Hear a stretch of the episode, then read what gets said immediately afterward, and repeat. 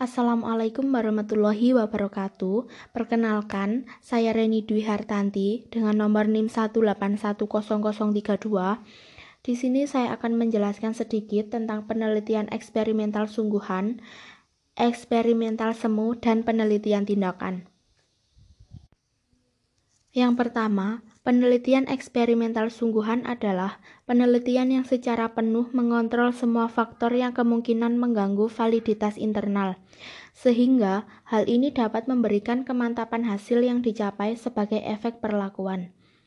Jenis rancangan penelitian eksperimental sungguhan ada dua, yaitu post-test only control design dan pre-test post-test control group design. Tujuannya untuk menyelidiki kemungkinan saling hubungan sebab akibat dengan cara mengenakan kejadian acak lebih dari satu grup yang khusus diciptakan untuk eksperimen dan memperbandingkan hasilnya.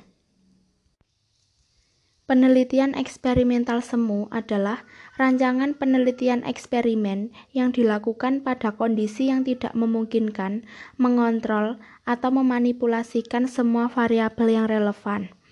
Tujuannya untuk mengungkapkan hubungan sebab akibat dengan cara melibatkan kelompok kontrol di samping kelompok eksperimen, namun pemilihan kedua kelompok tersebut tidak dengan teknik random.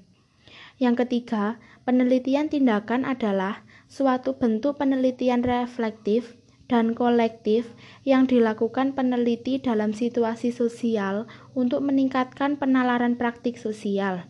Tujuannya ada dua, yaitu improve atau meningkatkan dan influence atau melibatkan.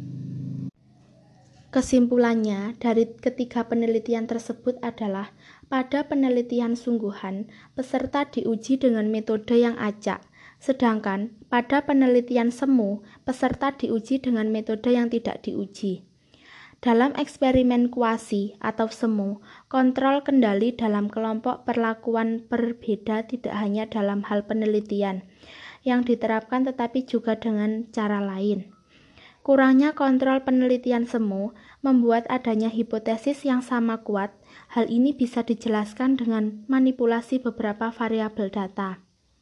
Penelitian tindakan memiliki dua tujuan.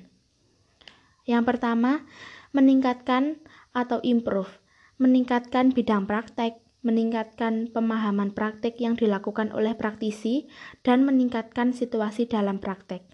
Yang kedua, melibatkan atau influence, melibatkan pihak-pihak yang terkait. Jika penelitian dilakukan di sekolah, pihak yang terkait adalah kepala sekolah, guru, siswa, karyawan, dan orang tua siswa. Sekian, terima kasih, semoga bermanfaat. Wassalamualaikum warahmatullahi wabarakatuh.